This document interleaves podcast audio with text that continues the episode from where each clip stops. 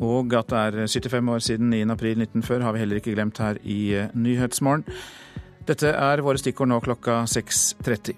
Boston-bomberen kan bli den første i USAs delstat Massachusetts som blir dømt til døden siden 1947. Innstrammingene rundt familiegjenforening vanskeligst å svelge for Venstre og Kristelig Folkeparti i asylavtalen. Jeg syns at dette har vært slitsomt, jeg ærlig innrømme. Jeg syns det har tæra på oss. Men det viktigste for oss har vært ungene. Venstres eh, Trine Skei Grande.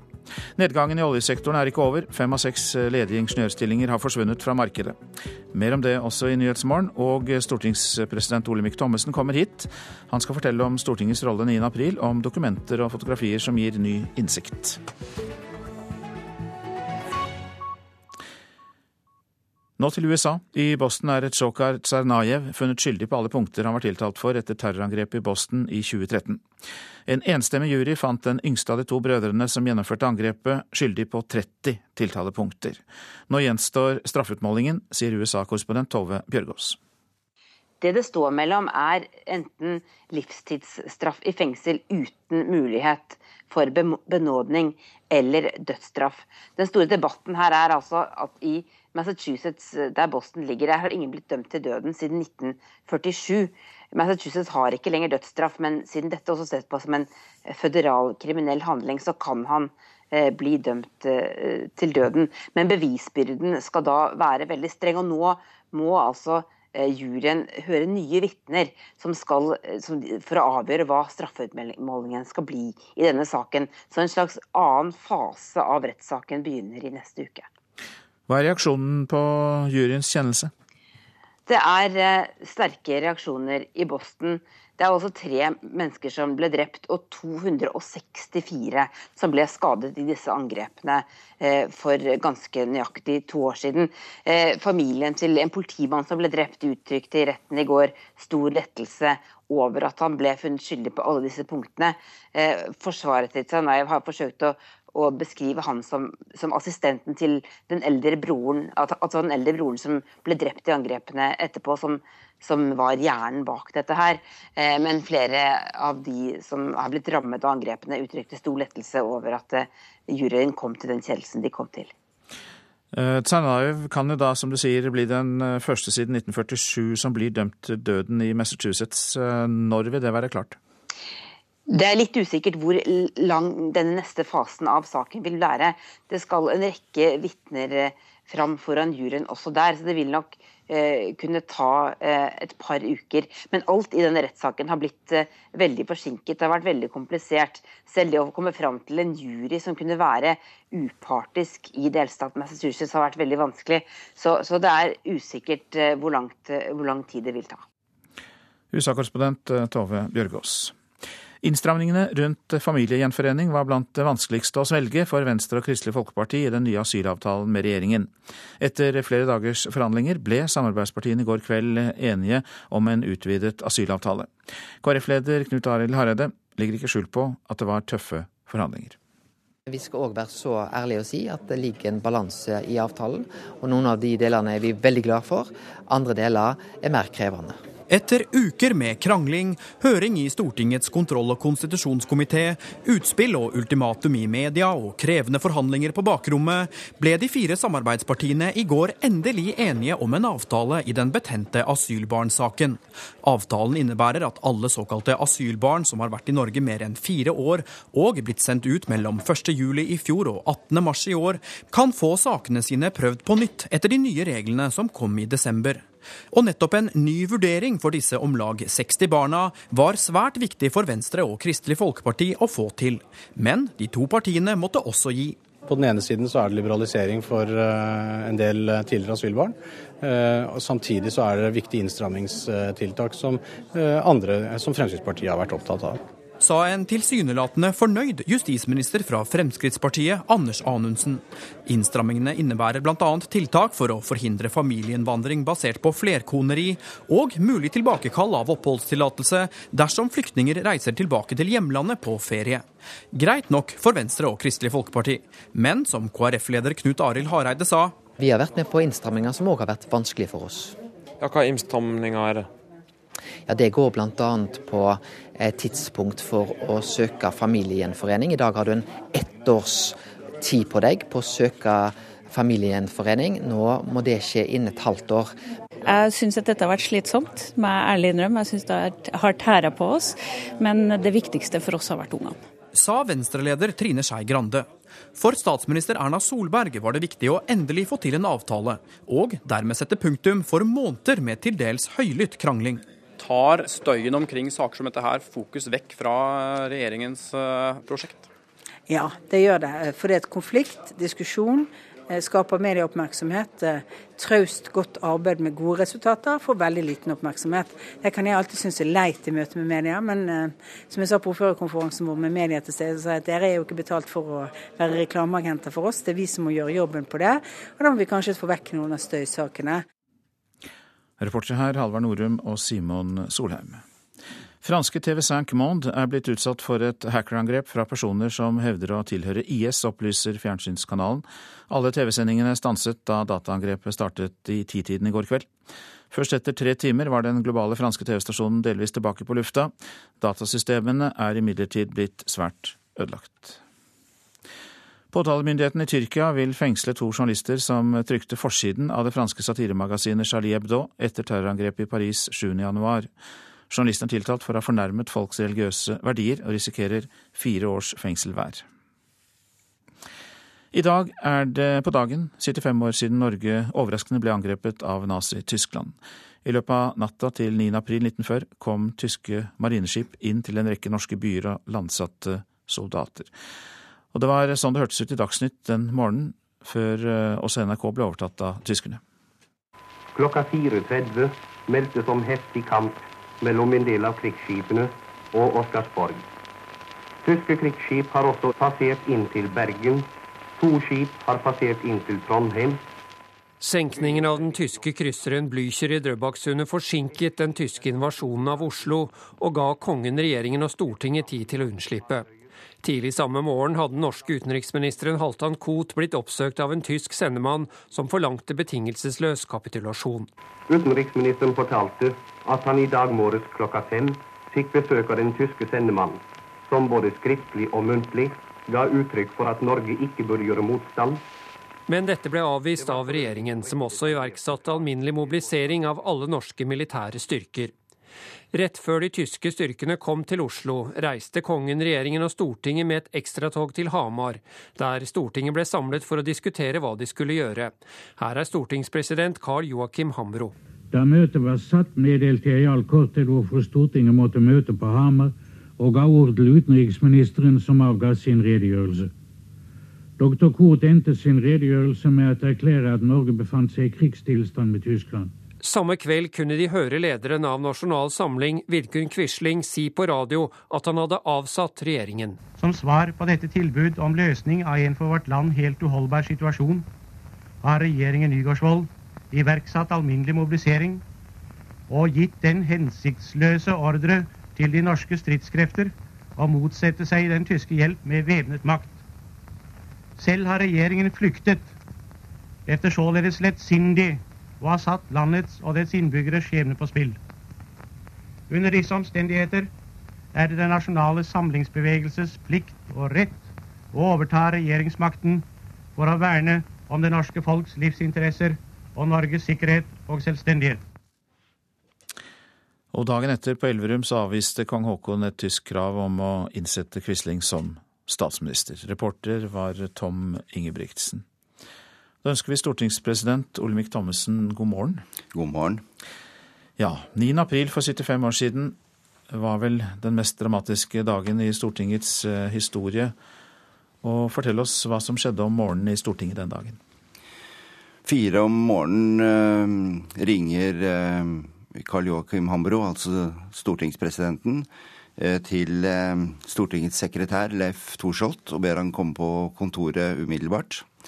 Fra halv fem om morgenen til kvart over syv samme dag så iverksatte de den evakueringen som det ble nevnt i reportasjen her. Hambro rekvirerte et tog som ble stilt opp på Østbanen, og som gikk derfra kvart over syv. Da hadde man med seg de fleste på Stortinget. Det var 37 representanter man ikke hadde greid å få tak i. Regjeringen og kongefamilien. Og så dro man. Senere utover dagen på Stortinget sitter den samme Leif Thorsholt der, mutters alene, bare med, sammen med et par vaktmestere. Han hadde låst dørene, og ca. i to-tiden på ettermiddagen så beskriver han selv hvordan han ser fra vinduene sine at uh, en 200-300 tyske soldater kommer marsjerende opp uh, Løvebakken. Og uh, hvorefter han ber vaktmesteren låse opp, og dermed var stortingsbygningen inntatt for å være den tyske militære makt i Norges hovedkvarter gjennom hele krigstiden. Der hadde Terboven sitt kontor. Stortingssalen ble brukt til nazimøte. Vi har bilder som vi skal vise i, i dag på Stortinget med Goebbels på presidentplassen. Det er ganske uh, sterkt å se, faktisk. Um, for Hambro og Stortingets del så dro jo de til Hamar. Um, begynte sine møter der. Um, måtte senere da dra videre til Elverum fordi tyskerne jo rykket nordover, og man var redd for å, å bli tatt igjen. Uh, og da er jo der på Elverum da at uh, Hambro fremlegger da dette som heter Elverumsfullmakten, som er den fullmakten hvor Stortinget overdrar sin myndighet til regjeringen uh, så lenge krigen varer. Og denne fullmakten og andre ting som du har funnet fram, det skal vel uh noen får se i dag på Elverum. Det skal være et arrangement der man vi, legger fram disse tingene. Vi tar med oss originalen av Elverumsfullmakten opp til eh, Elverum eh, i ettermiddag. Eh, det er klart Elverumsfullmakten er et, ja, en av de viktigste dokumentene i norsk historie. Det er et dokument som ga eksilregjeringen, altså Nygaardsvold-regjeringen i London, legitimitet den forenklet hele dens skal jeg si, den, den, gjorde jo at de hadde noe å, legge på bordet i forhold til å skulle vise hvem som var legit, det legitime styret av Norge. Og det hadde stor betydning i forhold til ja, både hvordan man kunne opptre militært, og, og, og, også i forhold til å få tak i midler og, og ja, på alle måter operere. Elverumsfullmakten er et, eh, et grep som jo ikke følger Grunnlovens bokstav i den forstand. Eh, Grunnloven hadde ikke beskrevet noen sånn situasjon, men den følger Grunnlovens intensjon og de demokratiske prinsippene som lå der, og er jo på en måte det som gir et konstitusjonelt grunnlag for eh, arbeidet videre fremover. Disse bildene som du nevnte, og Elverumsfullmakten, det hadde jo vært eh, spennende om du hadde hatt det med i studio, så vi kunne beskrive det, men det, det har du ikke fått lov til? Elverumsfullmakten er et uh, type dokument som vi ikke akkurat tar med oss under armen rundt omkring. Det er, uh, det er omfattet med mange sikkerhetstiltak uh, når vi tar det ut av arkivet. Men jeg kan jo si at de bildene som, som, vi i dag kommer til å vise på Stortinget, og det kommer til å stå en utstilling der fremover til 8. mai, mm. og de vil være tilgjengelige, tror jeg også, på, både på nettsider her i NRK, og de har vært stått i Aftenposten, så man ser dem der det er jo bilder som viser hvilken hva skal vi si, demonstrativt nærvær tyskerne hadde i stortingsbygningen. Klart Det var ikke tilfeldig at de valgte det huset. Det som var demokratiets hovedarena, ble også diktaturets hovedbase. Og, ehm, og eh, det er faktisk eh, ganske sterkt også å se det i dag. Bildene med Stortinget med hakekorsflagget på, på taket bilde av Goebbels i stortingssalen som holder tale til Waffen SS Norge. Uh, bildene av Terboven på sitt kontor med byste av Hitler. Uh, og uh, en kjempestor globus som var altså Og da mener jeg en stor, den er over en meter i diameter. Som var altså Hitlers gave til uh, Vidkun Quisling i anledning regjeringsdannelsen. Det er en veldig man, Det rykker eh, denne, denne, følelsen av å være invadert rykker så mye nærmere når man ser de bildene. Mange takk for at du ga oss disse rammene og denne bakgrunnen for denne viktige dagen. 75 år siden 9. april. Hjertelig takk, stortingspresident Olemic Thommessen. Takk. Vi eh, fortsetter i samme gate, for to som opplevde 9.4.1940 skal vi høre fra. Da fylte Berit Nilsen tolv år, og Elisabeth Fjelstad var 21 og gikk på skole i Oslo sentrum. Men for begge ble jo denne dagen helt annerledes enn de hadde forestilt seg. Ingen av oss ante hva som ville skje, så vi dro. Jeg gikk da på 38. handelsskole Og da vi kom dit, så sa læreren at dere må gå hjem igjen, for nå er det noen uroligheter. Så jeg gikk da fra Kristian Augusts gate og opp Kongsveien, og jeg syns jeg husker jeg så en bombe som falt, men jeg kan ikke huske om den ødela noe. Så neste dag fikk vi vite at da måtte vi ut av byen. Så jeg må nesten smile. Jeg bodde altså på Holter, og så dro vi til tante og onkelen som bodde på Castilli. Det er to stoppesteder lengre ut. Og der i det lille huset tror jeg var en 25-30 som følte tilflukt dit. Men pappa han var igjen på Holter, for han måtte jo se å få opp blendingsgardinene med tegnestifter og saker og ting, vet du. Jeg var på Lilleaker i hjemmet mitt da flyalarmen gikk om morgenen 9. april, og selvfølgelig så ble jeg redd. Men vi reiste ganske fort fra Lilleaker, for vi hadde hytte på Stenskogen. Så vi reiste dit opp og var der hele sommeren. Jeg var tolv år 9. april 1940. Hvordan ble den dagen for deg? Ja, Den ble annerledes enn jeg hadde forestilt meg. For jeg skulle jo ha et selskap, men det selskapet ble på hytta på Stenskogen. Med mange mennesker. Jeg tror vi var en 16-17 personer som kom dit til slutt. Ble det en eh, OK tolvårsdag likevel? Nei, det kan jeg ikke si. For selvfølgelig var jeg redd. Så det ble en veldig rar tolvårsdag. Det gjør det. En du aldri glemmer? En jeg aldri glemmer. Og flere måneder 9. apriler da som jeg hadde i bursdag, siden til freden kom. Hvor lang tid gikk det før du tok 9. april tilbake igjen? Jo, det var et eh, første etter krigen var slutt. Så ble det 9. april på ordentlig. da ble det feiring? Da, da ble det feiring, ja. Skjønte dere noe av hva som skjedde? Altså, kan du huske dere, hva som ble sagt? Nei, det gjorde vi jo ikke, for radioen ble forholdsvis fort overtatt, vet du. Så ingen av oss fikk noen slags informasjon annet enn eh, hold dere rolig og ikke foreta deg noe, som, er, som betyr det samme. Men, eh, men, eh, ingen av oss, i hvert fall ingen i min familie, var redde for hva som eventuelt skulle skje. Og takket være at Blücher ble beskutt, så kom de da senere. Men det var utrolig hvor fort de marsjerte i byen. Men du vet, når vi satt på trikken, og det var ledig plass ved disse uniformerte, så satt vi oss ikke der. Inntil det sto en plakat på trikken. Vi skulle sette oss der det var tomt.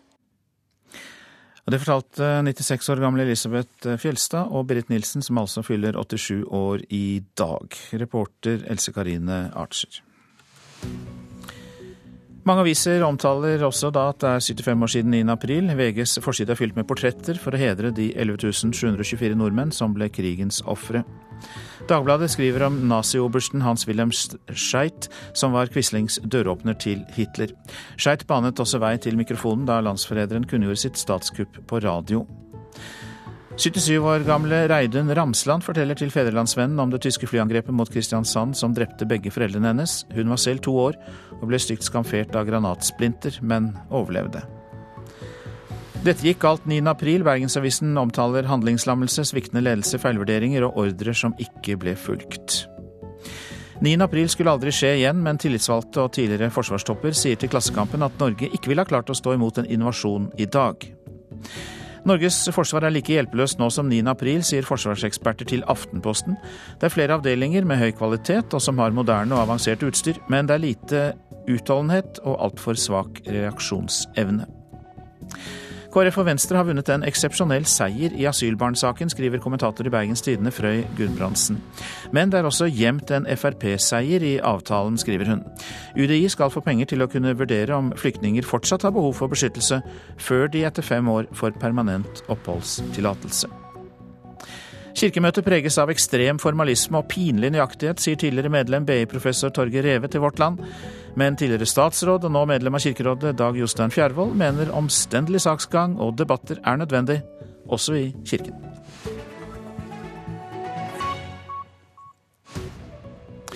Du lytter altså til eh, Nyhetsmorgen, og dette er hovedsaker nå når klokka nærmer seg 6.50. I Boston er Tsokar Tsarnaye funnet skyldig i alle punkter han var tiltalt for etter terrorangrepet i Boston i 2013. Han kan risikere dødsstraff. Innstramningene rundt familiegjenforening vanskeligst å svelge for Venstre og Kristelig Folkeparti i asylavtalen med regjeringen. Og nedgangen i oljesektoren er ikke over, det skal vi straks høre mer om. For antall utlyste ingeniørstillinger har falt veldig det siste året. Fem av seks ledige ingeniørstillinger har forsvunnet fra markedet i april, sammenlignet med fjoråret. Det er eh, lov å være fornøyd med å få jobb rett fra skolebenken eh, når situasjonen er slik, og det gjelder nemlig sivilingeniør Sigurd Hus Hansen, nettopp nyutdannet, men som er bekymret for kullkameratene. Nå har jeg hatt litt flaks som ble ansatt her, etter en del sånn sommerjobbengasjement og sånne ting. Du gikk ut til jul fra NTNU og fikk jobb i motsetning til mange av vennene dine. Føler du at du er litt heldig? Ja, det føler jeg. Så Eller flink? Vi får håpe at det er en blanding. Men eh, jeg føler at jeg er heldig. Jeg gjør det. Eh, de fleste av vennene mine har fått jobb nå. Og, altså, sånn innenfor bygg, i hvert fall. da. Men uh, jeg ser også folk jeg blir kjent med på andre linjer som sliter. da. Da studiene var ferdig til jul, fikk Sigurd Hus Hansen jobb hos entreprenøren Bakke i Oslo. Men byggingeniøren fra NTNU er bekymret for mange av kullkameratene. Særlig dem som satser mot petroleumsbransjen. Og de må ta seg lærervikarer og bli andre typer yrker, da. For det er 1189 færre utlyste ingeniørstillinger i april enn i fjor på samme tid. Det vil si at fem av seks ledige ingeniørjobber forduftet fra jobbmarkedet det siste året. Skrellet i oljebransjen er en viktig forklaring. Det som overrasker meg mest i de eh, tallene som er eh, kommet frem denne måneden, er at nedturen innen olje og gass og ingeniøryrker fortsetter å tilta. Sier daglig leder Adil Osmani i søkemotoren rubrikk.no. Tallene fanger opp de fleste utlyste stillingene og viser sterk nedgang for mange store bransjer. Varehandel, hotell, restaurant og reiseliv. Antall ledige stillinger i regnskap og økonomijobber, salg og markedsføring er halvert siden april i fjor. En så bred nedgang i antall stillinger betyr at de som skal ha seg jobb til høsten, møter et trangere nåløye for å få jobben. Men til tross for at én av fire utlyste jobber har forsvunnet fra jobbmarkedet det siste året, alt er ikke svart. Det er solid etterspørsel etter håndverkere, bygg og anleggsfagfolk. Det samme gjelder industri og produksjon. Og i finans- og eiendomsbransjen er det jevn økning i ledige stillinger, noe bankmannen Rune Bjerke merker godt. Toppsjefen i DNB tror det kan bli flere jobber i finansbransjen fremover. Ja, eh, det tror jeg eh, jeg trygt kan si. Fordi bankenes forretningsmodeller endrer seg. Eh, hele den tradisjonelle fysiske distribusjonen blir lagt om. Det kommer til å bli en kraftig reduksjon i antall bankkontorer. Og det kommer til å bli en framvekst av arbeid og oppgaver knyttet til alt som er av digitale kanaler og sosiale medier. Reportasjen var laget av Hedvig Bjørgum.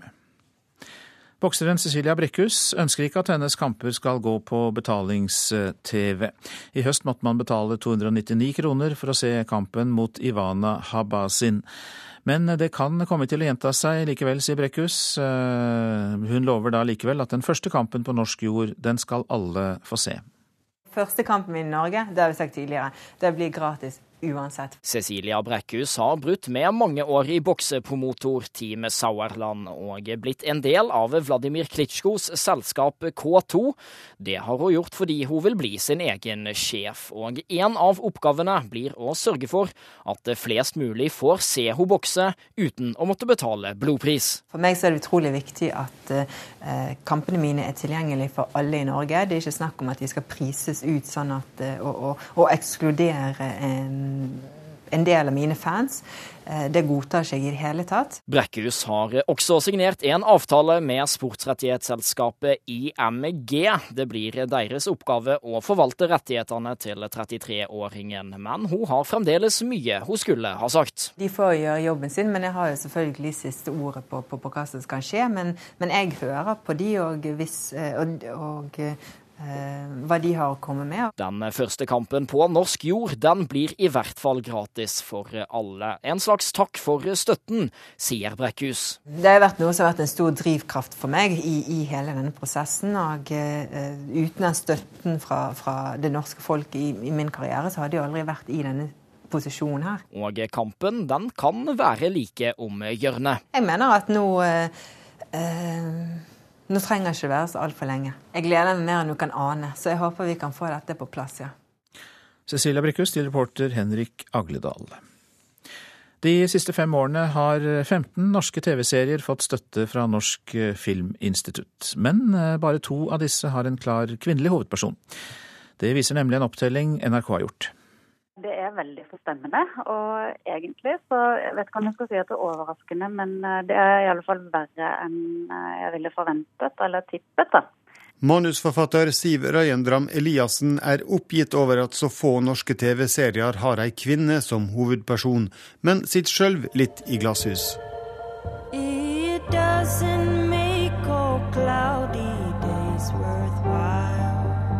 Hun er en av manusforfatterne bak TV-serien Frikjent, som går på TV 2. Hovedpersonen der er en mann som er frikjent for drapet på kjæresten, men som ikke blir trudd i heimbygda. Eliassen er dermed ikke med å pynte på tala, men har meninger om hvorfor kvinner er i mindretall. Jeg tror det har noe med vane å gjøre, jeg tror det har noe med forventninger å gjøre. Jeg tror det har noe med flere hundre års tradisjon på at eh, det er menn som er de handlende og de agerende og de som på en måte driver historien fremover, mens kvinner står i bakgrunnen og og tar seg av uh, føleriet og følelsene. De siste fem åra har 15 TV-serier fått penger fra Norsk Filminstitutt. Bare to av disse har hatt en klar kvinnelig hovedperson. Det viser en opptelling NRK har gjort. Bare Spesialenheten på TV3 og Kongsvik videregående på TV Norge har hatt ei klar kvinnelig hovedrolle. Hun ligger per i dag på en toer i matte, og jeg tenker hvordan er det mulig? Her er det åpenbart snakk om total systemsvikt, og vet du hva, det kan ikke jeg bare sitte stille og se på. For at en serie skal få penger fra NFI, må først et TV-selskap løyve penger og gi klarsignal for produksjonen. Direktør Sindre Gullvåg i Filminstituttet mener derfor det er lite de kan gjøre. Det er ikke vår oppgave å blande oss for mye inn i innholdet i produksjonen. Fordi det er allerede foretatt en uh, vurdering av innholdet av produsent og en redaksjon i TV-selskapene. Prosjektredaktør Tone Rønning har ansvaret for innkjøpte norske dramaserier i NRK. Hun sier de først og fremst jakter den gode historien. Det burde vært annerledes, men det, vi velger jo ikke historier ut fra kun om det er eh, mannlige eller kvinnelige karakterer. Vi velger ut fra om det er en god historie som reflekterer eh, noe som er viktig for publikum, som oppleves som gode historier for publikum. Reporter her Espen Alnes. Så værvarselet. Fjell i Sør-Norge, stiv kuling utsatte steder nord for Finse. Fra i formiddag litt snø i vestlige og nordlige områder, ellers opphold. Noe sol i østlige strøk. Østafjells får til dels pent vær. Fra ettermiddag opp i liten kuling på kysten øst for Oksøy.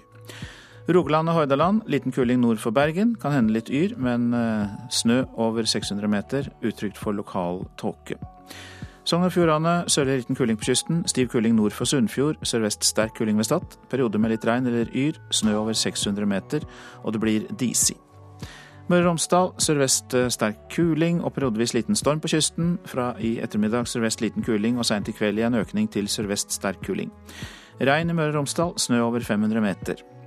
Trøndelag sørvest periodevis liten storm utsatte steder og på kysten. I formiddag dreiende vestlig, i ettermiddag gradvis minkende. Regn, snø over 400 meter. Helgeland, Saltfjell og Salten. Sørvestlig sterk kuling utsatte steder. Fra i formiddag vestlig liten storm. I kveld liten kuling. Det blir regnbyger og sluddbyger, lokalt mye nedbør. Ofoten, Lofoten og Vesterålen. I Lofoten sørvestlig og seinere nordvestlig sterk kuling. I kveld vestlig liten kuling utsatte steder, og det blir sluddbyger i dette området. Troms sludd og snø. Seint i kveld vestlig liten kuling. Finnmark enkelte snøbyger i vest og nord, ellers pent. Og Nordensjøland til dels pent vær. Temperaturer klokka fem. Svalbard lufthavn minus seks. Kirkenes null. Vardø én. Alta og Tromsø null. Bodø to. Brønnøysund seks. Trondheim og Molde åtte grader. Bergen og Stavanger fem. Kristiansand én. Gardermoen tre. Lillehammer null. Røros minus to. Og Oslo-Blindern pluss én grad.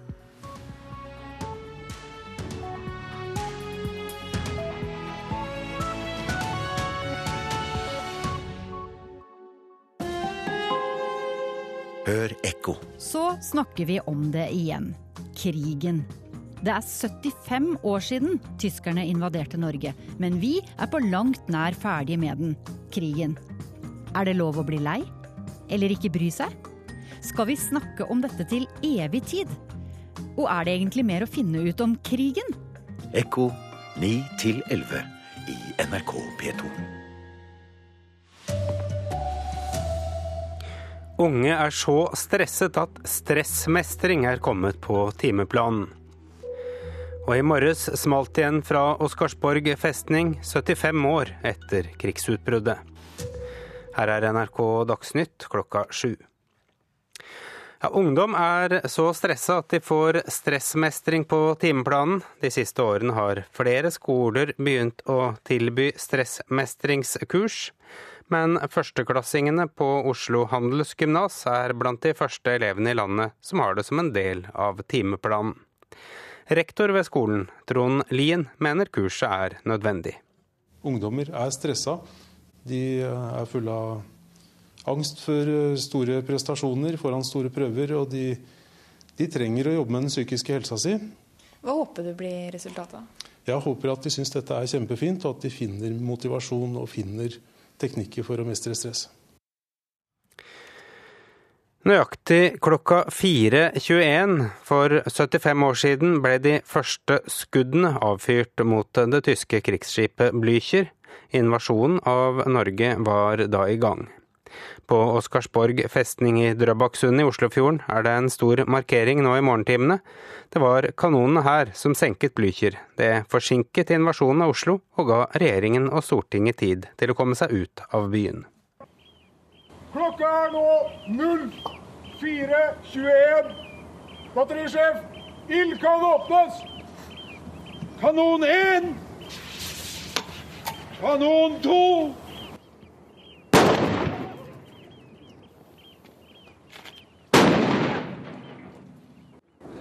Begge skudd fra Oscarsborg var treffere. Det var utrolig spennende å se på, eh, være her og kjenne på, kjenne på følelsen. og eh, Se på hvordan det her kan, faktisk kan ha vært i 9. april 1940. Og Forestille seg hvordan det var når den der store skipet kommer inn eh, Oslofjorden ut av tåka og hører skuddene falle. Tenker at det kan være veldig, veldig eh, viktige erfaringer å ha med seg når vi skal formidle dette her i, i klasserommet til elevene som, som historielærere. Sette fokus på, på akkurat disse tingene som skjedde denne dagen. Ja, det sa Ole Kristian Madsen, en av flere historielærere som er til stede på Oscarsborg nå i morgentimene. Og rekordmange unge reiser med buss til Europa for å oppleve krigshistorien. Organisasjonen Aktive Fredsreiser forventer rundt 16 000 reisende i år, mot 14 000 i fjor. Det var NRK Dagsnytt i denne omgang. I studio nå, Arild Svalbjørg. Ja, hvorfor stresser ungdom mer nå enn før, som vi hørte i Dagsnytt? Det er tema også her i Nyhetsmorgen. Ivar Kragelund, nestleder ved Hjemmefrontmuseet, kommer i studio. Vi spør om hvordan forståelsen er blant unge i dag for hva som skjedde 9.4 for 75 år siden.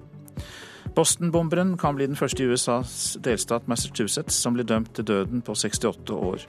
Og IS bruker utspekulerte metoder for å rekruttere jenter fra vestlige land. Ja, tenåringer er så stressa at de får både mindfulness-trening og yoga på skolen. En av tre ungdommer opplyser at de bekymrer seg for mye og er veldig slitne, viser tidligere undersøkelser gjort for Ungdata. Oslo handelsgymnas er nå blant de første skolene i Norge som eh, har stressmestring på timeplanen. Fokus i øyet. Ta, na. Da skal vi fiske. Videregående-elevene sitter rett i ryggen, øynene er lukka. Bøkene er lagt vekk, og læreren er borte. Nå er det mantra, yoga og pusteteknikk som står på timeplanen. Da snakker vi til universet. Ungdommer er stressa. Sier rektor ved Oslo handelsgymnas, Trond Lien. De er fulle av angst for eh, store prestasjoner foran store prøver, og de de trenger å jobbe med den psykiske helsa si. De siste årene har en del skoler begynt å tilby yoga- eller mindfulness-kurs for elever. Men førsteklassingene på Oslo handelsgymnas er blant de første elevene i landet som har det på timeplanen. I seks uker har alle førsteklassingene på skolen én skoletime stressmestring i uka. Minuttene har de tatt fra andre skolefag. Gir det resultater, vil skolen rydde plass i timeplanen til stressmestring også neste år. Hvis du er stressa og skal lese til en prøve, så er det liksom bare å lese på blanke ark. Nathanael Sudakaran finner fram en stol og viser øvelsen han har begynt å bruke før fotballkamp og prøver. Altså Det jeg tenker funker for meg, da så for å roe meg ned, er jo det der når du har armene på knærne med brystet, senker skuldrene, og så puster du inn, og så slipper du ut. Fjorårets Ungdata-undersøkelse viser at hver tredje ungdom er sliten og har stressymptomer som stadige bekymringer og søvnproblemer. I Kunnskapsdepartementet er de bekymra over den psykiske helsa til dagens tenåringer. Statssekretær Birgitte Jordal synes yoga, mindfulness og pusteteknikk på timeplanen kan være en god idé. Det er klart at alle tiltak som bidrar til å bedre læringsmiljøet og elevenes forutsetninger for å lykkes i skolen, de skal skoleeierne ta på alvor og vurdere. Men de er selvfølgelig nødt til å holde seg innenfor det regelverket vi har, og den eh, læreplanen som foreligger. Altså, Jeg har tatt i pusteøvelsen selv hjemme og alt sammen. Og jeg har fått bedre resultater på prøver. Og det er lettere å pugge fordi man husker ting mye bedre og man er mer avslappet og sånn. Ja. Ja. Så. Og pust ut. Ja, denne reportasjen var laget av Randi Elise Midtskog og Marit Gjelland. God morgen, Steffen Handal. Du er nestleder i Utdanningsforbundet. Men uh, bør vi etterlyse mer opprør mot stressamfunnet blant de unge, framfor at de tilpasser seg med å puste riktig og med mindfulness og yoga? Nei, det vet jeg ikke om vi skal forvente noe mer opprør. Men uh, det viktigste her det er at elevene har et læringsmiljø der hvor de faktisk kan lære. Og hvis lærere opplever at elevene er så stresset at det står i veien for å prestere, eh, så er det klart at man må jobbe med det. Men samtidig så må jeg nesten ja, jeg vet ikke, jeg advare litt. Altså det, dette kan ses på som et symptom. Eh, ikke sant? At eh, vi, vi, eh, vi snakker her kanskje om en generasjonprestasjon. Eh, en generasjon som ikke bare vil prestere på skolen, men som vil prestere i fritidsaktiviteter, overfor venner, overfor familie, og de har store planer for sin videre jobbkarriere osv. Så, videre. så det, dette er et sammensatt og stort problem, og jeg tror lærere gjør rett i å forholde seg til hvordan elevene eh, takler denne prestasjonskulturen. Da. Men er det da riktig å ha mindfulness og yoga og pusteteknikker i skolen? Jeg kan svare både ja og nei på det. På den ene siden så må du forholde deg til de elevene man har. Altså Man kan ikke bytte ut elevene eller ønske seg at de var annerledes. Så hvis de er stressa, så må man hjelpe dem med det. På den annen side så kan du jo si at eh, ja, er skolen også med på eh, å lage dette, dette prestasjonsjaget, så er det vel ikke disse, disse, kursene vi burde jobbe med, men da er det vel kanskje å, å endre skolen, eller også bidra til å endre kanskje samfunnet rundt eh, elevene. Og det, det tror jeg skal være en advarsel til både politikere, foreldre og lærere at uh, i vår uh, higen etter å ønske det beste for, uh, for, barna, så kan vi legge på dem et veldig stort press. Samtidig så har jeg lyst til å si det finnes skoler i dette landet der hvor det er altfor lite prestasjonspress. Og det finnes også elever som ikke vil kjenne seg igjen i denne reportasjen i det hele tatt. Og, og jeg har lyst til å si at kanskje vi her ser resultatet også av en villet politikk. Du skal være klar over at det er karakterbaserte opptak, fritt skolevalg, pengene følger eleven. Og Det betyr at man får en ansamling av høyt presterende elever på noen skoler. Og det er klart at På slike skoler så vil disse elevene eh, sammen, sikkert også med lærerne og skoleledelsen, kunne lage en kultur som kan virke veldig prestasjonsfremmende, og dermed også risikere å legge dette presset på elevene. Nå er du nestleder i Utdanningsforbundet. Når jeg har deg her, eh, hva vil du da endre i skolen for å redusere stressproblemet? Det, altså, det, det er et tankekors at vi har såpass stort fokus på den fysiske helsen eh, til barn og unge. Det, det, bør kanskje, altså i et sånt politisk perspektiv, eh, vurderes om man bør legge, større, større, legge, større, vekt på den psykiske helsen til barn. Eh, hvis du lærer å trene og, og, spise riktig, så er faktisk ikke det nok heller for å, for å mestre, eh, mestre, livet sitt. Man vet at psykisk helse er et tema som voksne også sliter med, og kanskje vi bør vie større oppmerksomhet til det også når barna går på skolen. Vi tar med det videre. Hjertelig takk for at du kom, Steffen Handal, nestleder i eh, Utdanningsforbundet. Kristelig Folkeparti og Venstre innrømmer at noen av innstrammingene i den nye asylavtalen var vanskelige å svelge.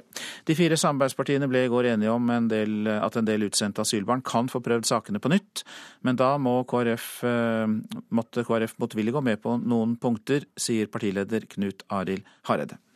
Ja, Det går bl.a. på tidspunkt for å søke familiegjenforening. I dag har du en ett års tid på deg på å søke familiegjenforening. Nå må det skje innen et halvt år. De måtte gi, Venstre og KrF, for å få til en avtale om at om lag 60 såkalte asylbarn med mer enn fire års opphold i Norge, og som ble sendt ut etter 1.7 i fjor, skal kunne få en ny vurdering av sakene. For i den nye asyl- og innvandringsavtalen ligger det bl.a. innstramminger på familiegjenforening og tilbakekalling av oppholdstillatelser. Reporter Halvard Norum. Og statsminister Erna Solberg kommer for å snakke om asylavtalen i Politisk kvarter. Kvart på åtte, altså om en drøy eh, halvtime. I år ligger det an til at rekordmange elever, lærere og foreldre setter seg på busser til Polen og Tyskland for å oppleve krigshistorien på nytt og forstå den bedre.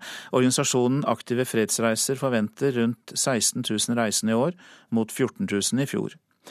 Også her hjemme oppsøker skoleungdom krigshistorien. Tredjeklassingene ved Eidsvoll videregående skole tilbrakte gårsdagen på Hjemmefrontmuseet i Oslo.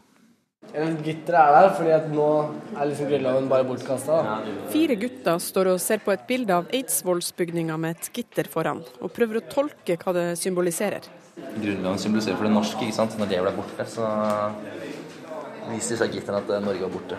Hvordan er det for Cato Hilmi Akai, som er fra Eidsvoll, å se det her? Det er jo trist, da. Når du ser eh, Eidsvollbygningen er låst inne og Grunnloven er borte. Men eh, vi veit at vi klarte å kjempe oss ut av det. så... I dag er det 75 år siden Norge ble okkupert, men interessen for krigshistorien er høyst levende, forteller Serena Katarina Jørstad Aas. Så jeg syns det er veldig dagsaktuelt, både med rett og slett den norske følelsen av at vi har en nasjon å være stolt av, og at vi husker Det blir kanskje litt lettere å forstå krigen i dag hvis vi husker den krigen som var i landet vårt. For Vi mener det å besøke steder som Auschwitz og Sachsenhausen og Ravensbrück og et godt utgangspunkt for å formidle eh, nyere historie.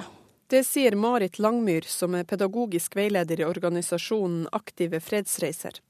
De tar ungdom med seg til konsentrasjonsleirer i Polen og Tyskland, og i år har de rekordstor pågang. I tillegg til å se leirene der menneskene led, får de også møte tidsvitner som sjøl opplevde krigen. Langmyr forteller at de også bruker historiene fra andre verdenskrig til å forklare kriger i nær fortid. Vi har bl.a. tidsvitner fra Kambodsja, eh, fra Balkan, eh, fra Kongo. Over 320 000 ungdommer har siden 1992 reist med organisasjonene Aktive fredsreiser og Hvite busser til Polen og Tyskland. En åttedagerstur koster rundt 5000 kroner. Og påtroppende leder i Elevorganisasjonen, Kristoffer Hansen, sier de ofte blir kontakta av elever som ikke har råd til å reise. Når skolen med, med, lærere og elever i spissen har tatt en avgjørelse om at vi mener det er pedagogisk riktig å reise til utlandet, så må skolen sørge for at alle kan da være med, uavhengig av økonomisk bakgrunn. Om det da handler om at skolen skal betale hele turen, så er det helt klart det beste. Det koster mye penger, men hvis det er det som er det pedagogisk riktige, så må man også finne midler til det. Det er ikke lov å være ute etter klokken åtte om kvelden. Alle offentlige lokaler skal stenge senest klokken 19. Dans er forbudt, kino, teater er forbudt. Tilbake på Hjemmefrontmuseet i Oslo leser lærer Hanne Strømberg opp påbud under okkupasjon. Krigshistorien er langt unna 19-åringene sin hverdag, men sjøl mener de den er høyaktuell. Det påvirker Norge veldig mye, for det var jo i Norge. Og mange norske døde. Det er jo mye man kan ta med seg og være bevisst på at det ikke skal skje igjen. Jeg føler ikke at det er akkurat min historie, dette her. For det var jo før, lenge før min tid. Men det er fortsatt viktig å huske. Hvorfor det? Så vi fremtidige generasjoner kan lære av det og ikke begå de samme feilene. Denne reportasjen var laget av Eva Marie Bullai. Velkommen, Ivar Kraglund. Tusen takk. Du er nestleder ved Hjemmefrontmuseet. Og hvordan opplever du at forståelsen er blant de unge om det tyske angrepet og okkupasjonen? Ja, altså Interessen er jo eh, stor. Eh, og så må man jo ha klart for seg at eh, for alle så er det en første gang å høre om dette. Man, man er jo ikke født med denne kunnskapen, så, så, derfor hvis man mener at den er relevant, så må man fortelle den om igjen og om igjen. Og, og det, det er det stor interesse for. Det, det er det. Men hva tror du om risikoen for at uh, framtidas generasjoner ikke skal kjenne til denne viktige delen av vår historie? Ja, det er jo bl.a. vårt ansvar at så ikke skal skje. Eh, samtidig så, så, rykker disse fem årene stadig lenger bak i det kollektive minnet. Men eh, i motsatt retning så, så, så er jo den, den, enorme interessen stadig til stede, og det er jo vi glad for. Du eh, er jo nestleder ved Hjemmefrontmuseet. Hva ved 9. april eh, vil du trekke fram for dagens unge, hvis du har dem foran deg, for virkelig å skape interesse og for virkelig å skape forståelse? Ja, eh, det har jo vært fokusert mye på, på Oscarsborg og det som skjedde der. Og det er klart det hadde en veldig stor betydning. Og eh, så eh, I tillegg til dette så, så, var det det at eh, Norge tok opp kampen, selv om det kunne synes håpløst. Og allerede da i morgentimene på, på Victoria terrasse, da den tyske minister kommer og, og, og regjeringen sier nei, man godtar ikke eh, dette her. Eh, og videre via Hamar og Elverum osv. Det, det, det har enorm betydning. Så motstand blir stikkord for det du vil gripe fatt i først når du skal gjøre dette interessant for elevene? Ja, det, det er klart at her er det mange forskjellige akser man kan følge. Og det er jo katastrofe, og det er eh, svikt på eh, svært mange plan. Men, men likevel så, så, så, velger da Norge den norske løsning og ikke den danske løsning. Og man får da to måneder med regulære krigshandlinger. Kunne vi ha unngått 9.4 eh, hvis Norge hadde vært bedre forberedt, bedre rustet, og at Hitler da kanskje hadde nølt med å okkupere Norge? Ja, det blir jo spekulasjoner, og jeg tror vel kanskje ikke det. Men, men eh, samtidig, det er jo en besnærende tanke at eh, det kunne være tilfellet. Men eh, altså, det er jo umulig å, å svare på. Kystbefestningene og alt dette og det ene med det andre. Men å, å bygge et forsvar, det er en langvarig prosess. Det, det er det. Til slutt, eh, hva skal du gjøre i dag, eh, Ivar Kraglund, på denne viktige markeringsdagen? Ja, etter eh, medieinnsatsen nå på morgenen, så skal jeg nå trekke ned på, på museet og være til stede der. Så, så, det blir nok det viktigste. Da slår vi et slag for at flere av oss, ikke minst de unge, bør stikke innom dere ved Hjemmefrontmuseet. Hjertelig takk, Ivar Kraglund, nestleder der. Dette er Nyhetsmorgen, og klokka den passerte nettopp 7.18. Dette er hovedsaker. Ungdom er så stressa nå at de får stressmestring på timeplanen. I Boston er Shokar Tsarnajev funnet skyldig på alle punkter han var tiltalt for etter terrorangrepet i Boston i 2013. Innstramningene rundt familiegjenforening var vanskeligst å svelge for Venstre og Kristelig Folkeparti i asylavtalen med regjeringen. Og vi skal høre om utspekulerte metoder fra IS for å rekruttere jenter fra vestlige land. Men først om den hvite politimannen som skjøt en svart ubevæpnet mann i North Charleston i USA i helgen. Han ble nemlig sparket fra jobben i går. Dagen før var han blitt arrestert og siktet for drap. Men det er ikke nok til å få byens afroamerikanske befolkning til å stole på at det er slutt på rasismen i politiet.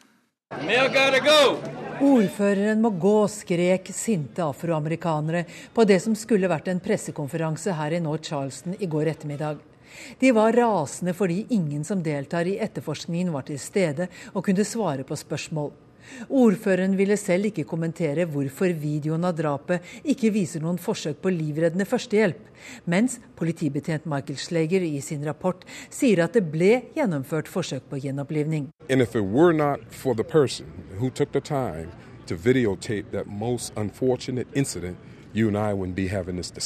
Om det ikke var for den personen som tok seg tid til å filme videoen av det som skjedde, ville ikke du og jeg stått her og pratet om drapet nå, sier Wendel Gilliard. Han er afroamerikaner og sitter i delstatsforsamlingen i Sør-Carolina. Han mener at guvernøren, ordføreren og politiet ikke har tatt den underliggende rasismen på alvor. No,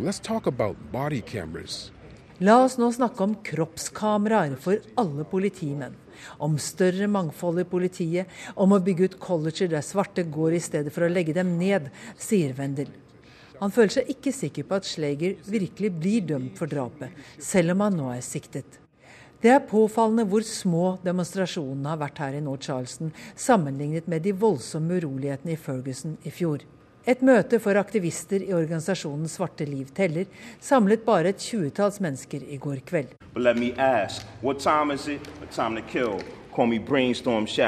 Jeg spør er det tiden for drap, rapper en ung svart mann ved innledningen av møtet. Deretter følger en av lederne, Muhyiddin Debaha, pressen ut og sier at det som skjer akkurat nå, er viktig. Right now,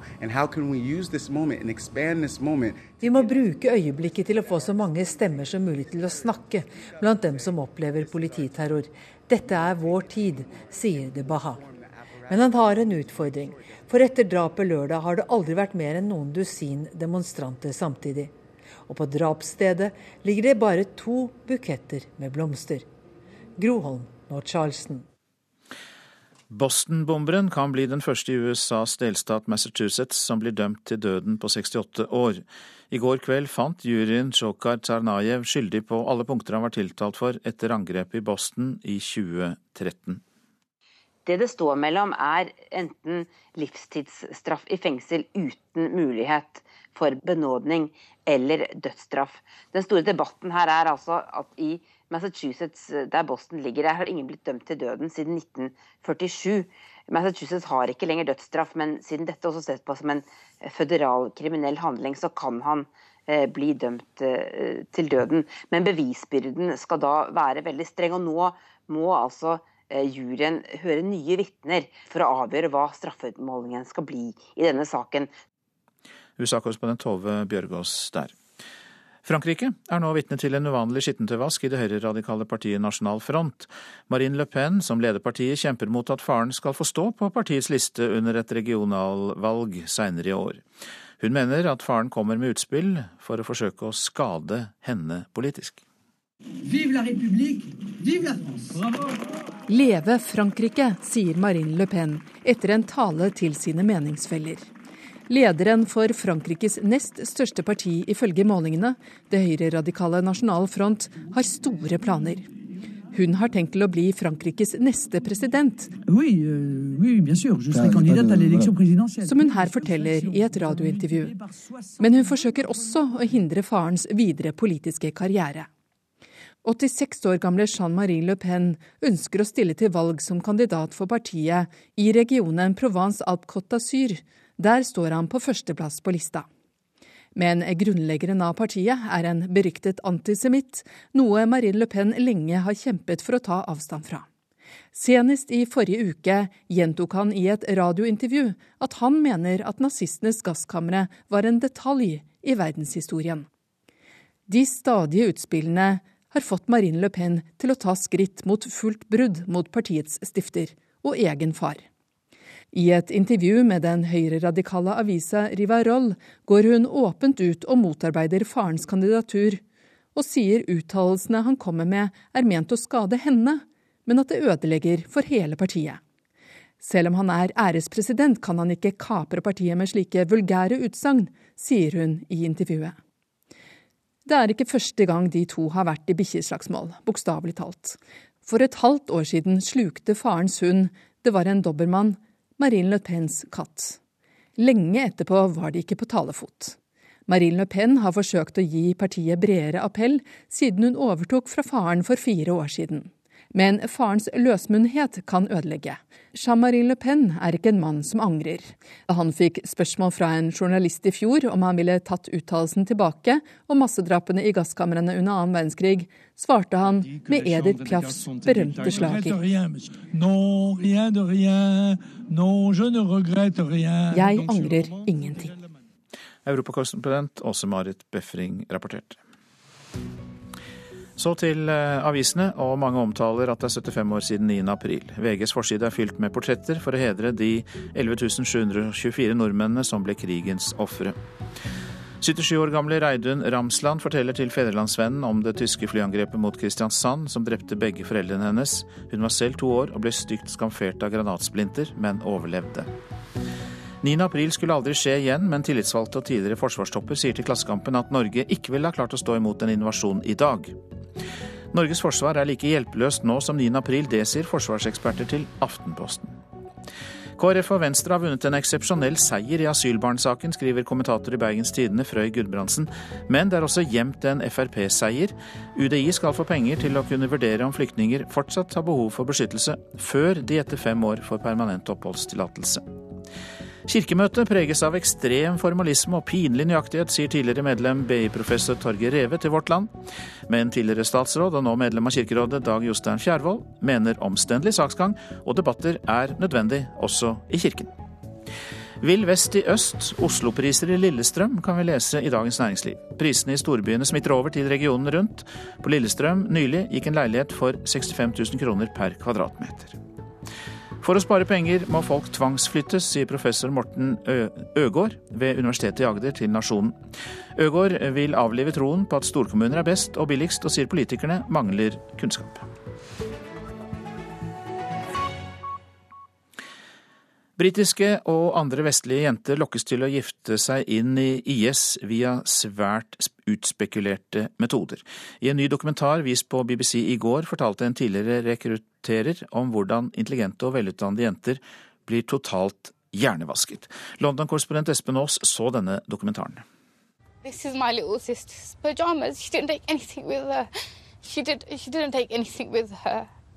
Jenta vi hører gråte, savner søstrene sine. To tvillingsøstre som for lengst har latt seg radikalisere, og som har rømt til Syria, hvor de er blitt giftet bort til krigere fra det såkalte IS. Jentene er to av i alt 23 radikaliserte unge kvinner som britisk politi kjenner identiteten til. Trolig er det minst 40 til, men hvor familiene ikke har meldt fra.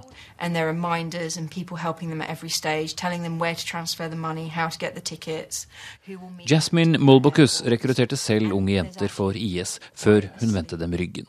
Hun forklarer at jentene får nøye instrukser på alt, hvordan de skal overføre penger, hvor de skal kjøpe billetter, hvor de skal dra.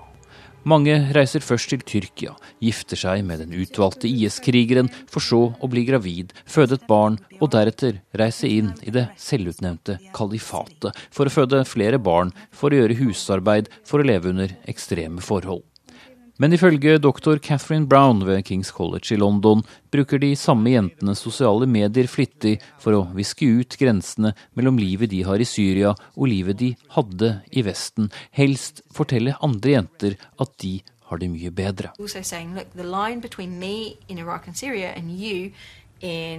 Cardiff, Birmingham, Manchester, London, wherever, is not so great.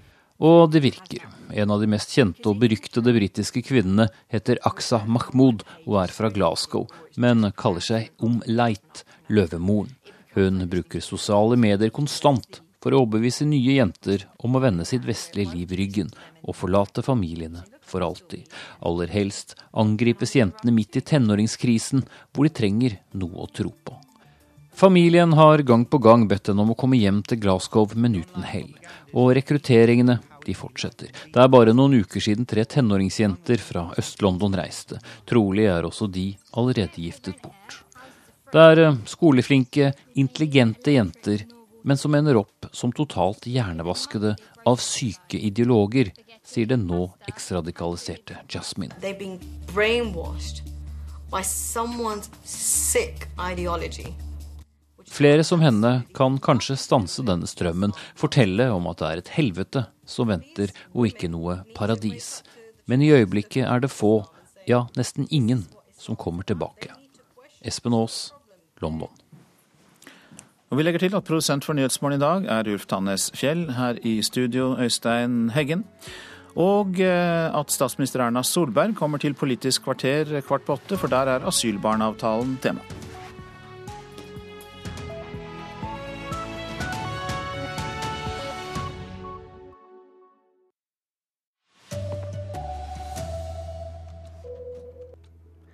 Hver tredje ungdom har stressymptomer. Nå kommer stressmestring på timeplanen.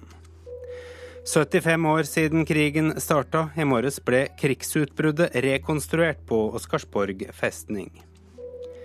Og politimannen som skjøt en svart ubevæpnet mann, er sparket fra jobben, men innbyggerne tror ikke rasismen i politiet er over. Her er NRK Dagsnytt klokka 7.30. Tenåringer er så stressa at de får mindfulness og yoga på skolen. Én av tre ungdommer opplyser at de bekymrer seg for mye og er veldig slitne, viser tidligere undersøkelser Ungdata har gjort. Oslo handelsgymnas er nå blant de første skolene i Norge som har stressmestring på timeplanen. Da skal vi hviske. Bøkene er lagt vekk og læreren bort. Nå er det yoga og pusteteknikk som står på timeplanen. Da snakker vi til universet. De siste årene har flere skoler begynt å tilby stressmestringskurs. Men førsteklassingene på Oslo handelsgymnas er blant de første elevene i landet som har det som en del av timeplanen. Altså, Jeg har tatt i pusteøvelsene selv hjemme og alt sammen. Og jeg har fått bedre resultater på prøver, og det er lettere å pugge. Jeg er litt skeptisk. Jeg syns det virker litt alternativt. Da sovner jeg faktisk fortere, har jeg merket. Så det har faktisk vært ganske nyttig. De er fulle av angst for eh, store prestasjoner foran store prøver. Trond Lien er rektor ved skolen. De trenger å jobbe med den psykiske helsa si. Hver tredje ungdom har stressymptomer som stadige bekymringer og søvnproblemer, viser Ungdata-undersøkelsene. Det synes Kunnskapsdepartementet er bekymringsfullt, og statssekretær Birgitte Jordal mener yoga, mindfulness og pusteteknikk på timeplanen kan være en god idé. Det er klart at alle tiltak som bidrar til å bedre læringsmiljøet og elevenes forutsetninger for å lykkes i skolen, de skal skoleeierne ta på alvor og vurdere. Men de er selvfølgelig nødt til å holde seg innenfor det regelverket vi har. Det er sikkert mange som kunne ha godt av å stresse litt ned. Det er jo en skole med mye stress, så jeg skjønner hvorfor de starter her. Og jeg tror det kommer til å spre seg. Jeg tror det blir en trend, faktisk. Ja, reportere her Randi Elise Midtskog og Marit Gjelland. Nøyaktig klokka 4.21 9. april for 75 år siden ble de første skuddene avfyrt mot det tyske krigsskipet Blücher. Invasjonen av Norge var i gang. Det var kanonene på Oscarsborg festning i Drøbaksundet som senket Blücher. Det forsinket invasjonen av Oslo og ga regjering og storting tid til å komme seg ut av byen. Drama fra den gang ble gjennomgått på Oscarsborg i morgentimene i dag. Batterisjef, ild kan åpnes! Kanon én! Kanon to!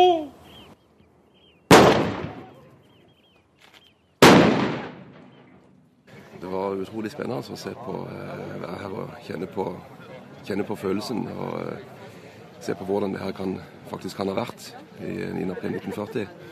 Og forestille seg hvordan det var når den der store skipet kommer inn eh, Oslofjorden ut av tåka og hører skuddene falle.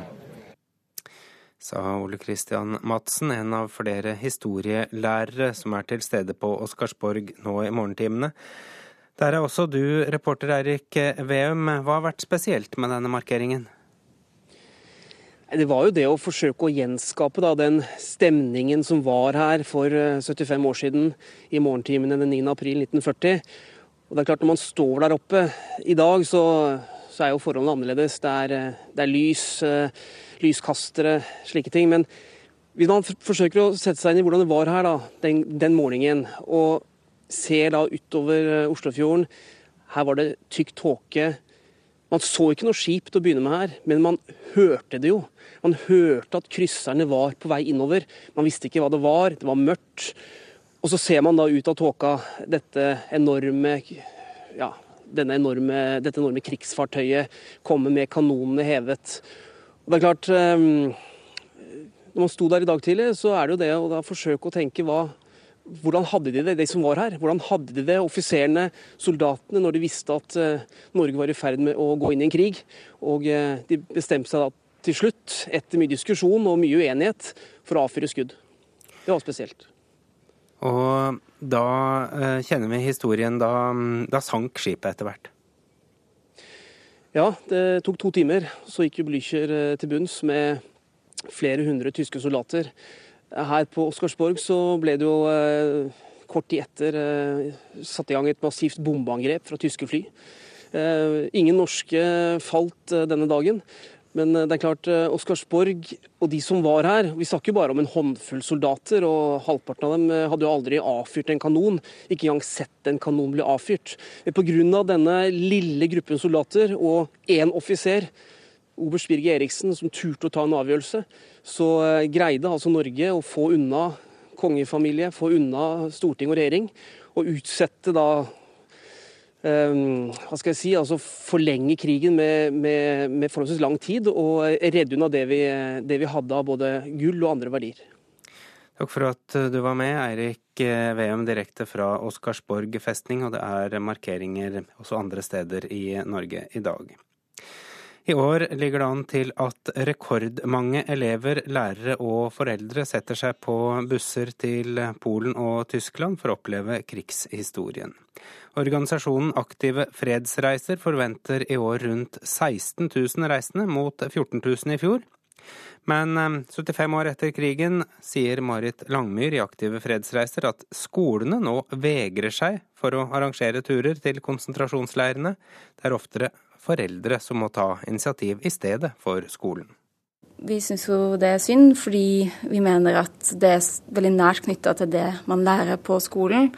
Eh, og at man vil ha et stort utbytte av å ha, ha, det i skoletida. Da. Grunnen er at en del skoler tolker gratisprinsippet, at den offentlige skolen i Norge skal være gratis, sånn at de ikke kan arrangere turer der elevene må bidra med penger. Det være skolen og kommunens ansvar å sørge for at alle får lov til å være med, uavhengig av hvor mye foreldrene deres tjener. Det sier påtroppende leder i Elevorganisasjonen, Kristoffer Hansen. Han mener løsninga er at skolen arrangerer, men sørger for at det blir gratis for elevene. Vi har et gratisprinsipp som ikke bare er noe som står fint på papiret. Da må det gjelde alle, og også om lærerne finner ut at vi skal reise til utlandet. Møllergaten 19, hvordan har denne fangen Petter Moen laget sin hemmelige dagbok? På Hjemmefrontmuseet i Oslo lærer tredjeklasse ved Eidsvoll videregående om krigshistorien. Selv om det er 75 år siden, mener de det er viktig å huske. Det påvirker Norge veldig mye, for det var jo i Norge. Og mange norske døde. Det blir kanskje litt lettere å forstå krigen i dag, hvis vi husker den krigen som var i landet vårt. Og nettopp det å forstå dagens konflikter ut fra andre verdenskrig, er noe av filosofien til organisasjonene Aktive fredsreiser og Hvite busser. Siden 1992 har over 320 000 skoleelever reist til konsentrasjonsleirene. Også i Oslo har Serena Katarina Jørstad Aas fått sterke inntrykk. Det er mye man kan ta med seg og være bevisst på at det ikke skal skje igjen. Reporter Eva Marie Bulai. Den hvite politimannen som skjøt en svart ubevæpnet mann i USA i helga, er sparket fra jobben. Men det er ikke nok til å få byens afroamerikanske befolkning til å stole på at det er slutt på rasisme i politiet. Ordføreren må gå, skrek sinte afroamerikanere på det som skulle vært en pressekonferanse her i North Charleston i går ettermiddag. De var rasende fordi ingen som deltar i etterforskningen var til stede og kunne svare på spørsmål. Ordføreren ville selv ikke kommentere hvorfor videoen av drapet ikke viser noen forsøk på livreddende førstehjelp, mens politibetjent Michael Schleger i sin rapport sier at det ble gjennomført forsøk på gjenopplivning.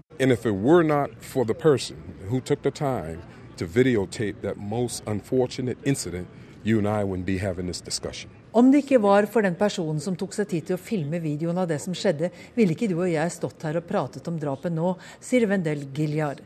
Han er afroamerikaner og sitter i delstatsforsamlingen i Sør-Carolina. Han mener at guvernøren, ordføreren og politiet ikke har tatt den underliggende rasismen på alvor. No, La oss nå snakke om kroppskameraer for alle politimenn. Om større mangfold i politiet, om å bygge ut colleger der svarte går i stedet for å legge dem ned, sier Wendel. Han føler seg ikke sikker på at Schleger virkelig blir dømt for drapet, selv om han nå er siktet. Det hører med til bildet at det nesten aldri forekommer at ubevæpnede hvite menn blir drept av politiet. Groholm, Nord-Charleston. Ansvarlig for denne sendingen Anne Skårseth, Frode Thorshaug og her i studio Arild Svalbjørg.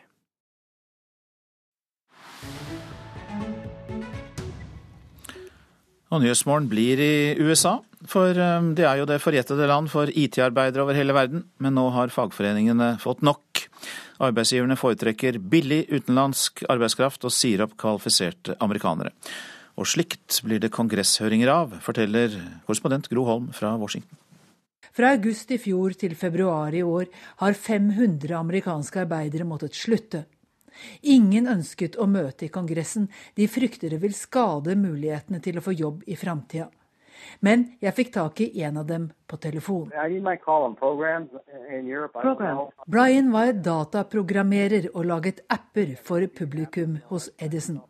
Han er 59 år, nettopp oppsagt, uten jobb og ønsker ikke å oppgi etternavnet. Han måtte selv lære opp de indiske arbeiderne som skulle erstatte ham.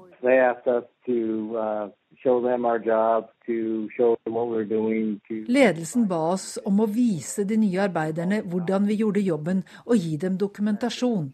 De kalte det kunnskapsoverføring. Men det var vi som overførte kunnskap til dem, slik at de kunne erstatte oss, sier Brian. I am the displaced American worker that can't speak out due to being harassed, blackballed or possibly sued. Jack Palmer mener han snakker på vegne av tusenvis av amerikanske arbeidere som er blitt erstattet. Skjønt arbeider, han satt i den lokale ledelsen av det flernasjonale indiskeide selskapet Infosys her i USA. Hans varsling bidro til at programvaregiganten Infosys for to år siden måtte betale 34 millioner dollar i bot til USA for systematisk visumsvindling og brudd på immigrasjonsreglene. Som en med personalansvar ble Palmer bedt om å bidra til svindelen, forteller han på telefon fra hjemstedet Alabama. And what they asked me to do was to write um, de ba meg om å skrive og signere ulovlige invitasjoner, som var nødvendige for at utlendinger skulle få multivisum for forretningsdrivende. Slike visum gir ikke lov til å jobbe i USA, men det ga Infosys blaffen i. Dermed kom indiske arbeidere hit for å jobbe på indisk lønn. Did Indian workers have skills that could not be found on the American labor market? 98% av dem hadde ikke den nødvendige kompetansen, forteller Palmer. Og da snakker vi ikke Microsoft-kompetanse. Infosys lager enklere dataprogramvare og driver service på teknologisystemer. Men den kompetansen er lett tilgjengelig her i USA, sier Palmer. How about paying the H1B worker the same salary that the displaced American worker is making? Hva med å betale HNB-arbeiderne den samme lønna som de erstattede amerikanske arbeiderne fikk?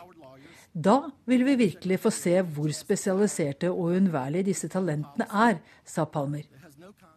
I rettferdighetens navn. Justiskomiteens republikanske ledelse hadde også innkalt vitner som la hovedvekten på at USA trenger utenlandske spesialister og kvalifisert arbeidskraft. Skilled immigrants complement their US-born expansion. Kvalifiserte immigranter utfyller kollegene som er født i USA. De bidrar til økonomisk ekspansjon, og utenlandske arbeidere har en positiv effekt på lønner og jobbmuligheter, også for dem som er født inn i vår økonomi, sa Benjamin Johnson fra Amerikas immigrasjonsråd. Dette er hovedsaker i Nyhetsmorgen. Hver tredje ungdom har stressymptomer. Mange får nå trening i mindfulness og yoga på skolen. Innstramningene rundt familiegjenforening var det vanskeligste å svelge for Venstre og Kristelig Folkeparti i asylavtalen med regjeringen. I Sør-Carolina i USA er politimannen som skjøt en svart ubevæpnet mann, sparket fra jobben, men innbyggerne tror ikke rasismen i politiet er over med det. I Boston er Tsjokhar Tsarnajev funnet skyldig på alle punkter han var tiltalt for etter terrorangrepet i Boston i 2013. Og det er 75 år siden Norge ble angrepet av Nazi-Tyskland. I morges ble krigsutbruddet rekonstruert på Oscarsborg festning. Det lytter altså til Nyhetsmorgen. Neste post på programmet er Politisk kvarter, og programleder der er Veronica Westrin.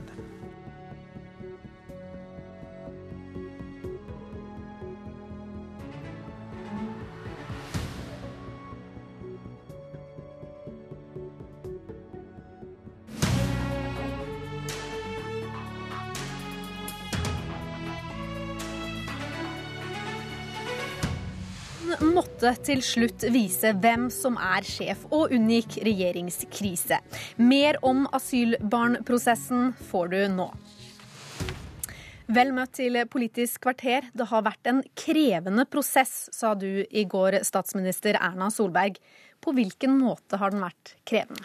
Fordi den har tatt lang tid, fordi det er vanskelige spørsmål. Eh, asylavtalen som vi fikk frem i Nydalen mellom de fire partiene, er egentlig et ganske godt grep for å binde sammen to ytterpoler, egentlig, på mange av disse spørsmålene om asyl. Vi har klart å få Kristelig Folkeparti og Venstres engasjement for barn, de barnefaglige spørsmålene inn i asylpolitikken, samtidig som ønsket til Fremskrittspartiet og til Høyre om å ha en streng, men rettferdig ferdig asylpolitikk eh, også var reflektert i den avtalen vi hadde.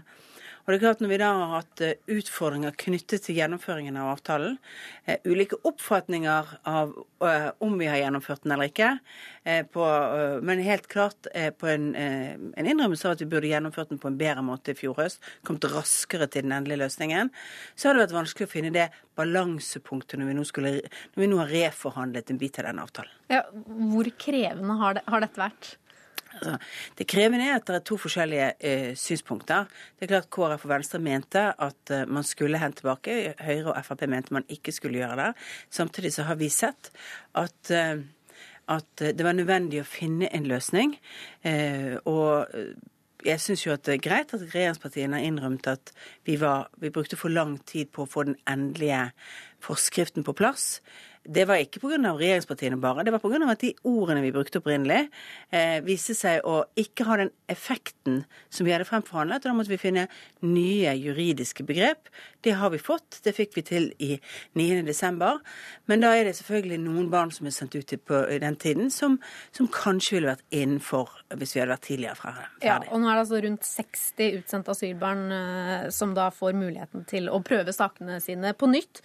Uh, og hvorfor har det tatt så lang tid å komme fram til det? For det er jo et halvt år dere har forhandla om dette nå. Nei, altså den endelige avtalen var på plass 9.12. Eh, og så er det jo sånn at eh, det har pågått en sak i kontrollkomiteen. Eh, man har avdekket også hvordan politiet har forstått de, den endringen som ble gjort i styringssignalene fra, fra regjeringen, eller rett og slett ikke fått Men uavhengig av det så kunne man vel kommet fram til ja, men altså, den avtalen dere kom fram til i går? Oss, jo, men for oss har det også vært en viktig del av dette at, at vi eh, ikke skulle midt oppi kontroll- og konstitusjonskomiteens avgivelse av saken, finne frem løsninger som virket som om det hadde en påvirkning for utfallet av det. Derfor også mener jeg at av og til så trenger, trenger vi tid for å finne de gode løsningene, finne de gode balansepunktene. Og det mener jeg at uh, Fremskrittspartiet har bidratt sterkt til i løpet av påsken, å finne frem til gode forslag som gjør at de har følt at det kunne være en balanse i en sånn avtale. Ja, vi skal gå inn på ett av de punktene, fordi dere har blitt enige om å sikre midler slik at utlendingsmyndighetene kan gjennomføre en ny vurdering av beskyttelsesbehovet og grunnlaget i saker der grunnlaget for opphold kan ha falt bort som følge av politiske, sosiale eller humanitære forbedringer i hjemlandet. Hva konkret ligger i det? Det er sånn at Dagens utlendingslov sier at eh, når du har flyktningstatus, så, så, skal du likevel få vurdert beskyttelsesbehovet ditt før du får permanent oppholdstillatelse i Norge. I praksis har man ikke gjennomført den prøvingen. Nå stiller vi midler til rådighet for at man kan gjennomføre loven sånn som den er tenkt. Det betyr at hvis du f.eks. får fred et sted, grunnlaget eller det humanitære eller det politiske grunnlaget for din asylsøknad, f.eks. at politikken endres i ditt hjemland, at det ikke er fare for det deg å reise tilbake, ja, så vil du, selv om du har fått flyktningstatus etter å ha vært en asylsøker, før du har fått permanent oppholdstillatelse i Norge, få revurdert spørsmålet om, om du da har eh, et beskyttelsesbehov, og derfor skal få permanent oppholdstillatelse i Norge. Men hvor lenge kan du da ha bodd i landet? Altså, Før du får permanent oppholdstillatelse, er det i dag tre år, og der er ute på høring et forslag om å øke det til fem år. Så her er det snakk om familier også, da, som kan bo fem år i Norge, og så risikere å bli sendt ut igjen? Ja, det kan være. Samtidig så har det ingen betydning for den uh, tilknytnings... Altså den langevarige løsningen vi har laget. Så den vil jo slå inn på barnefamilier som f.eks. har vært der lenge, og dermed uh, har fått en tilknytning til det norske samfunnet. Nå, så barn skjermes her?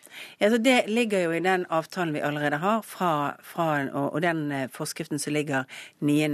fra 9. desember. Så det å si at dette er jo dette vil jo skje for de områdene hvor du f.eks. har en krisesituasjon, hvor det kommer mange og får opphold pga. en krigssituasjon. Så, så, løser den seg. Hvis din frigjøringshær, som du har fått opphold fordi du har blitt forfulgt av den sittende regjeringen, overtar makten i landet Det er jo sånne situasjoner. Eller hvis det er spesiell, altså hvis det er grunnlag for at du har fått opphold fordi at du står med fare for livet ditt for den du er personlig, eh, og det grunnlaget faller vekk. Det er jo de sakene det vil være. Og det er altså dagens lov.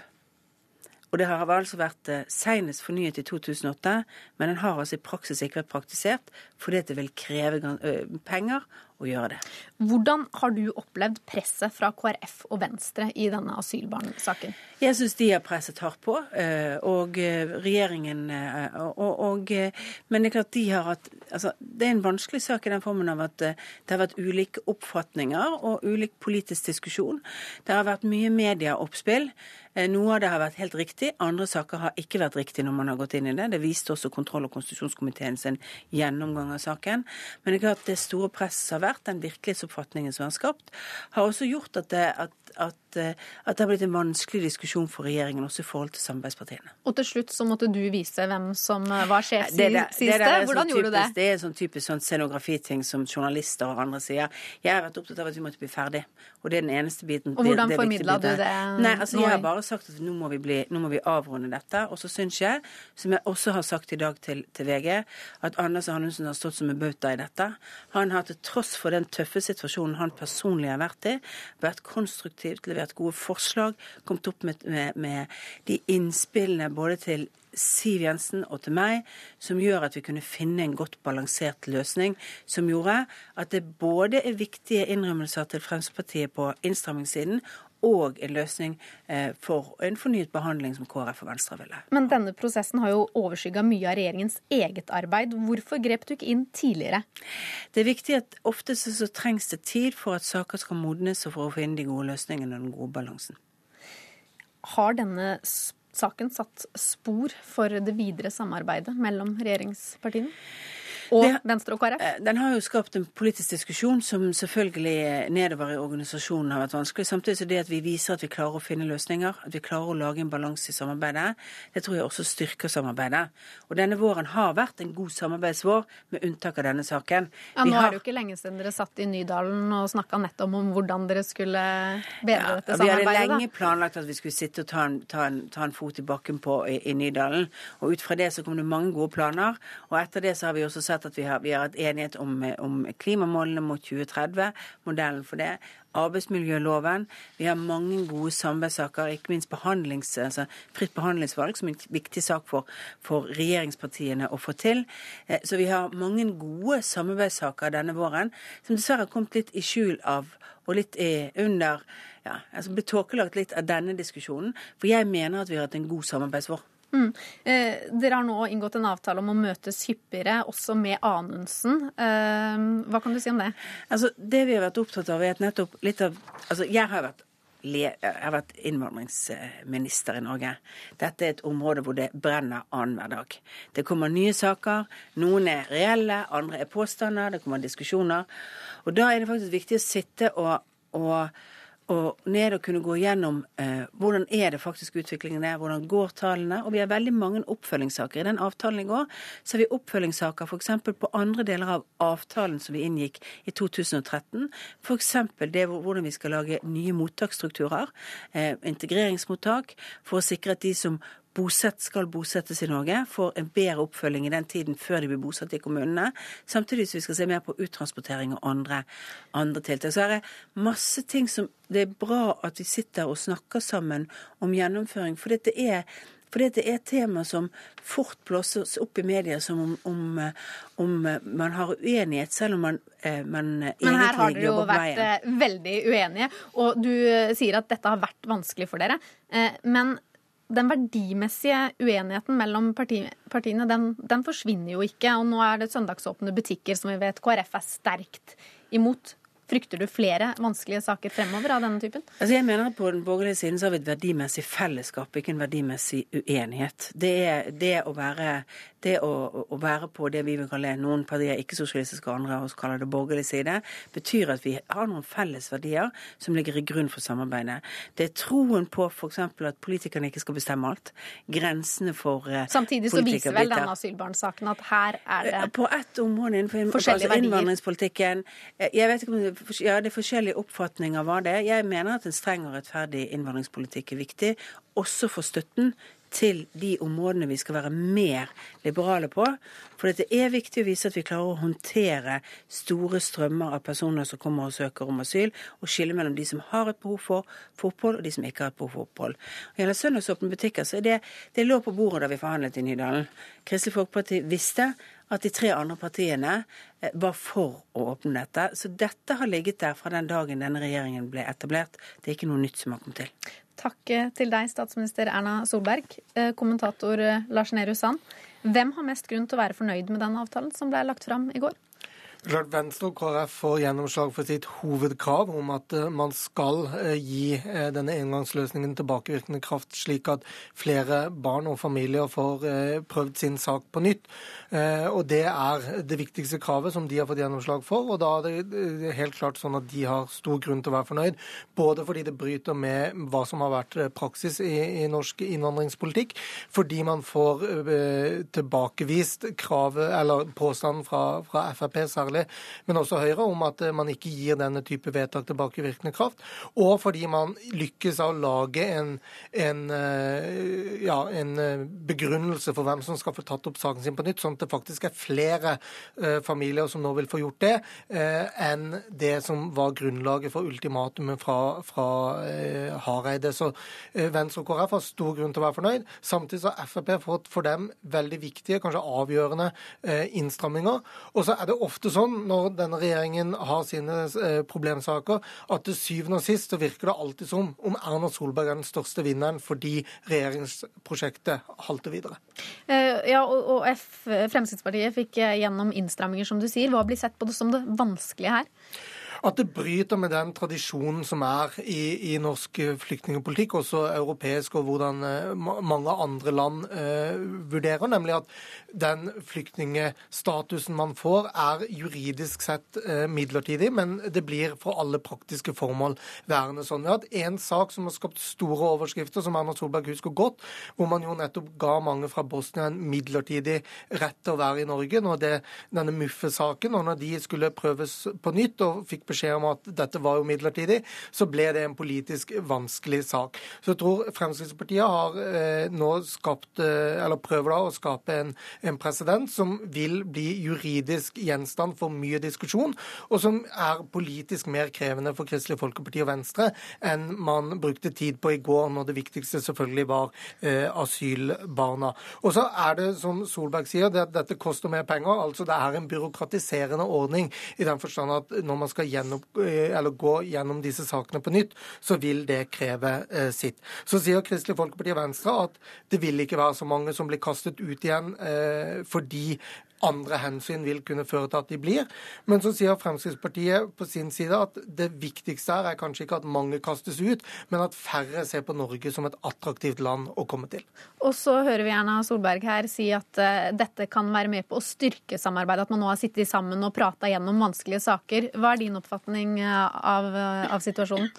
Det at man sitter lenge, og at Solberg har tålmodighet, åpner noen dører. Man får til en type enighet som denne avtalen IA-avtalen her, som burde vært på plass for lenge siden. Men det er et problem for den regjeringen at problemsakene blir værende så lenge. Det er helt naturlig at en regjering opplever problemer, men at de sakene går så lenge i det offentlige rom, skygger for andre saker for regjeringen, slik vi så i reservasjonssaken, og slik vi ser nå. Budsjettene har sin egen dynamikk fordi det er en saksbehandling rundt det. Men eh, det kan ikke regjeringen leve med, og de har lært for sent hvordan de skal samarbeide godt. Og det at man hele tiden kommer opp med nye møtepunkter og sånn, det viser at de ikke lærer fort nok hvordan de skal jobbe godt og konstruktivt sammen. Men kort til slutt, har de lært noe? Er det nye problemsaker på gang? Ja, det er det. Og hvor godt de klarer å samarbeide nå, det vil jo bare tiden vise. Eh, men alle skjønner at eh, alle taper når blir, eller problemsakene blir varende lenge. Takk til deg, kommentator Lars Nehru Sand. Og det var et Politisk kvarter.